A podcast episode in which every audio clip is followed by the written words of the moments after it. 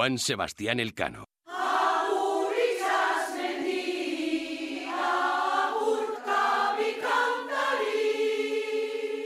Kapitain baten biografia.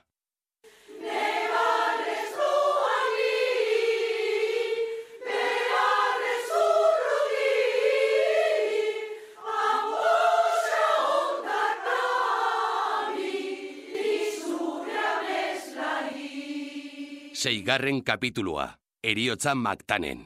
Zebu uartea ikustean, bandera kaltsatu zituzten eta belak bildu, aldi berean artilleria zagurtu zituzten. Danbateko haien hotxak alarma sortu zuten eta gizon ugari hurbildu ziren armatuta. Lehen bizi masaguako jauna jaitsi zen, haiek lasaitzeko, adierazi zien gazteluak bakegizonak zirela eta salerosketan aritzera iritsi zirela. Zebu uarte bikain eta handia da. Hango erregearekin, umabon izenekoarekin, bakea eta adiskidetasuna sinatu genuen. Mila bosteun eta hogeita bateko pasko garizumako egunean lehorreratu ginenan. Palmondoak dira han nagusi. Urte osoan ematen dituzte kokoak, eta eguzkipean lehortu ondoren, Espainian gaztainak erabiltzen diren antzera baliatzen dituzte. Zuaitz hoiekin, ontzi oso bat egiten dute. Hiltzeria, mastak, belak, sokak, eta baita egurrezko hiltzeak ere, altzairua beste gogortzen direnak. Palmondoen adarretatik, janzteko eunak eta idazteko papera ateratzen dituzte. Kokoaren azalarekin, etxeen telak egiten dituzte, bai eta jateko eta edateko ontziak ere, eta erabiltzen ez diren zatiekin ikatzona prestatzen dute. Zebun, baimena eskatu ondoren, ermita bat eraikin zuten, adarrak eta belazatiak erabiliz, eta ontzi nagusian zituzten ornamentu sakratuekin meza egin zuten.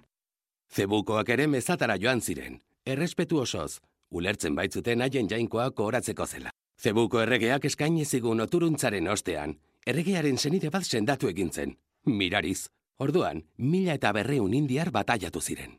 Zeremonia amaitzean, gurutzeak eta ama virginaren naiz Jesus aurtsoaren irudiak oparitu zizkieten bataiatu berriei. Bereziki, irudi batek txunditu zituen. Jesus aurtsoa zen. Soinean, atorra parpailadun bat, arropa koloretsua eta feltro gorriko txanoa jantzita. Laster hasi ziren trukean.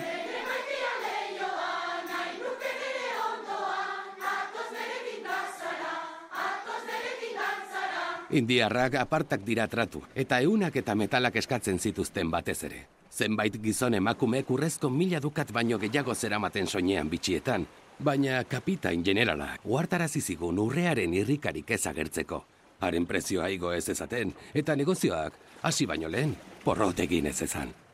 Espedizioko kronistak Antonio Pigafetak onela jaso zuen. Gizonek, ugalketa organoa metalezko ziri batez zeharkatuta dute. Ziriak zulo bat du erdian, bertatik txiza irteteko, eta ziria atzerdi bat ateratzen da haragiaren alde batetik eta bestetik. Metalaren bi muturretan, estainuzko eta urrezko eraztunak dituzte sartuta. Gizonaren organoa inguratzen duten eraztun hoiek bi buru dituzte, gure hiltzeen antzekoak, eta hoien bidez, plazer handiagoa ematen diete beren emazteei. Magaila esek, zebu uartearen ahalmena eta umabon erregeak egindako harrera bikaina ikusi zuenean, pentsatu zuen uarte hartatik inguruko uarte guztien aberastasuna kontrolatu ahal izango zuela. Horren bestez, umabonen aliatu egintzen eta enbaixadoreak bidali zituen lurraietako gainerako jaunek errege kristauari men egin ziezaioten.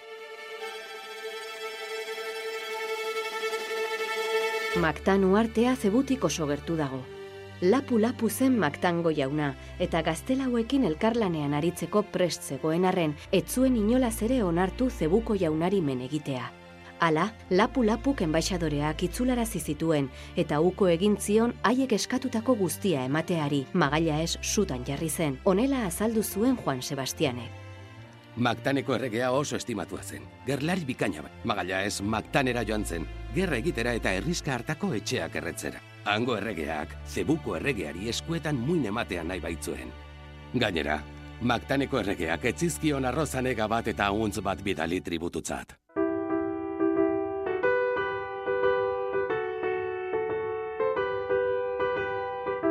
Ofizialen kontseiluak ekintzaaren arrisku handia zoartarazi zion magaila esi, eta adierazi zioten, maktango indigenen aurka armekin borroka eginez etzuela etekin handirik lortuko. Ez du merezi zortea zirikatzea. Zailena ez da irabaztea. Irabazitako gauzak babestea baizik. Gerra tentu zartu behar da, hausarkeriare gabe. Izan ere, gaizki ateratzen bada, itxasontziak jenderi gabe geratuko dira. Magaia ez hausnartzen egon zen une batez. Ofizialek asmoa burutik kendu ziotela pentsatuko zuten agian, baina indietako soldadu veteranoaren borroka espirituak desafio egiten zion edonoren aurka armekin lehiatzera bultzatzen zuten. Soldaduaren grina nagusitu zitzaion kapitainaren zuhurtziari eta zutitu egintzen. Kontseiluari amaiera eman zioten hitz hauek esanez. Artzainorak ez du sekula bere hartaldea utzi behar. Maktaneragoaz, ama birginak babestuko gaitu.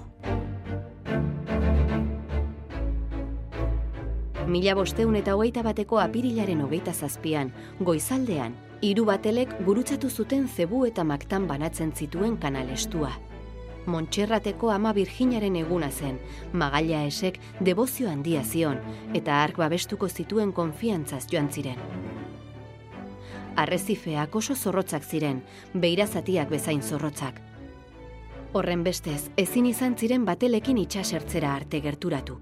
Berrogei gizonek uretara salto egin zuten, armen larruzko koraza harinen eta burdinazko korazen pixua gainean zutela. Eta beste gizon batzuk batelak zaintzen geratu ziren. Ondartzara iristean guda hasi zen. Mosketeekin tiro eginez, indiarren eskutu meheak zeharkatzen zituzten eta haietako asko hil zituzten. Hala ere, bolborak etzuen sortu ustez eragingo zuen besteko ikara, Aitzitik, tiroekin are gehiago sumintzen ziren. Indiarrak ez dira beren biziari lotuta bizi. Minik handiena ere zitzaien axola. Ez zuten zirkinik ere egiten.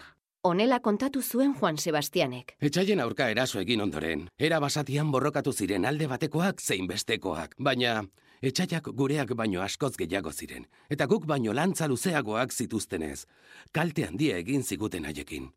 Azkenean, Fernando Magalla esen gorpua alderik alde zeharkatu zuten eta hil egintzen.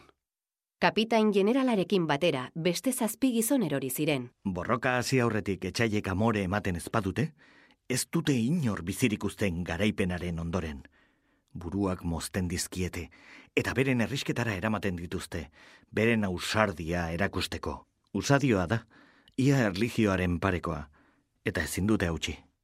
Porrotaren ondoren, Pedro de Valderramak hildakoen aldeko meza egin zuen Trinidad itxasontzian.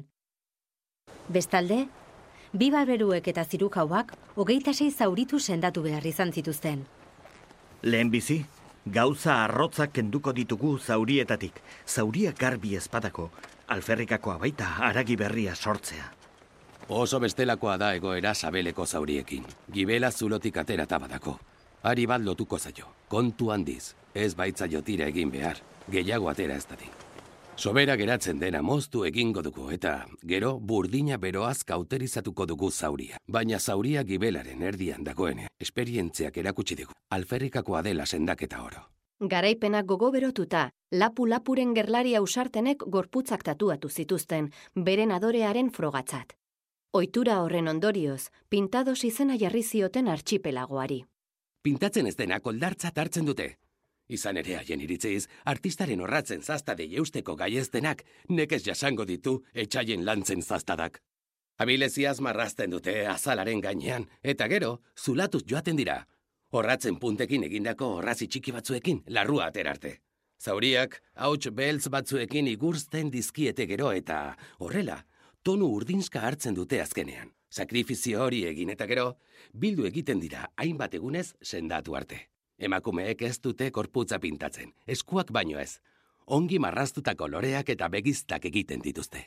Juan Serrano kapitaina aukeratu genuen nori begiratu eta nor obeditu izateko. Pertsona usarta zen eta gizon zintzoa. Juan Serrano kapitain general berriak bakeak egin zituen berriro umabon erregearekin eta lapu-lapu garaituko zutela agindu zion.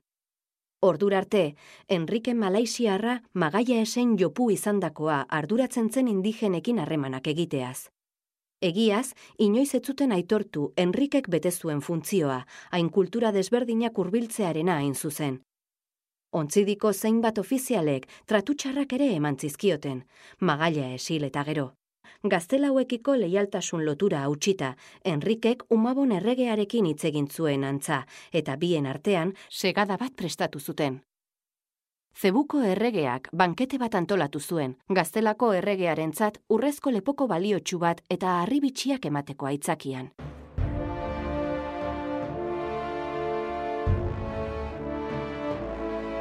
Mila bosteun eta hogeita bateko maiatzaren bata zen.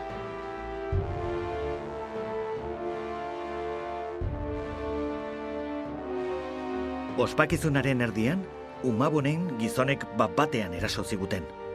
Batzuek ies egitea lortu genuen, eta gainerakoek larrutik ordainarazi zieten bizia.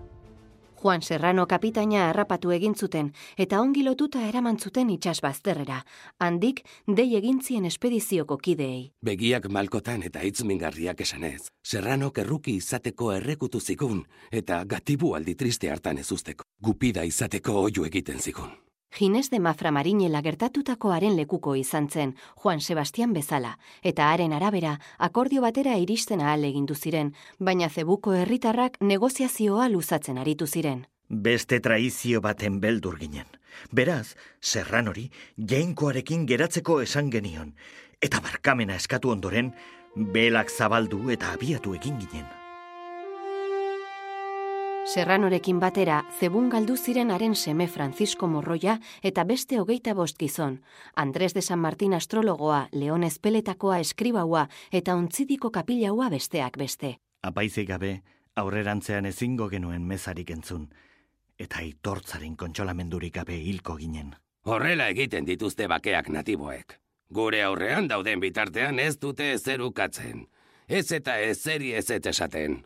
Baina bizkarra eman eta pixka bat urrundu orduko, ez dute sekula betetzen emandako hitza. Urte batzuk geroago jakintzen, zortzi gizonek bizirik irauntzutela, eta esklabutzat saldu zizkietela txinaranzko itzulera bidean zijoa zen junko batzuei. Etzen gehiago haien berririk izan.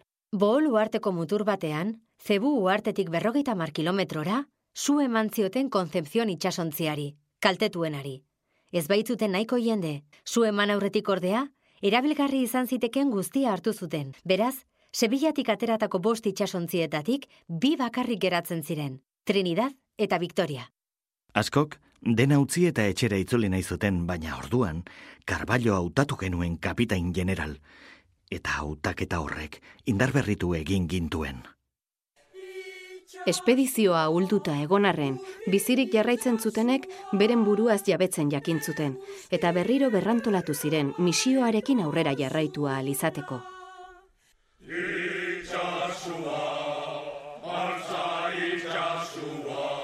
Carballo kapitain general izendatu zuten gizon berek lehengo kargua itzuli zioten Juan Sebastiani.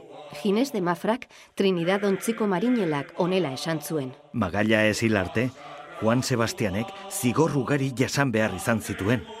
Baina gizon argia zenez, gogor eutxi zion, berriro bere kargura itzuli arte. Mila bosteun eta hogeita bateko ustailaren zortzian, Borneo uarte handiko hiri nagusiaren aurrean bota zuten aingura.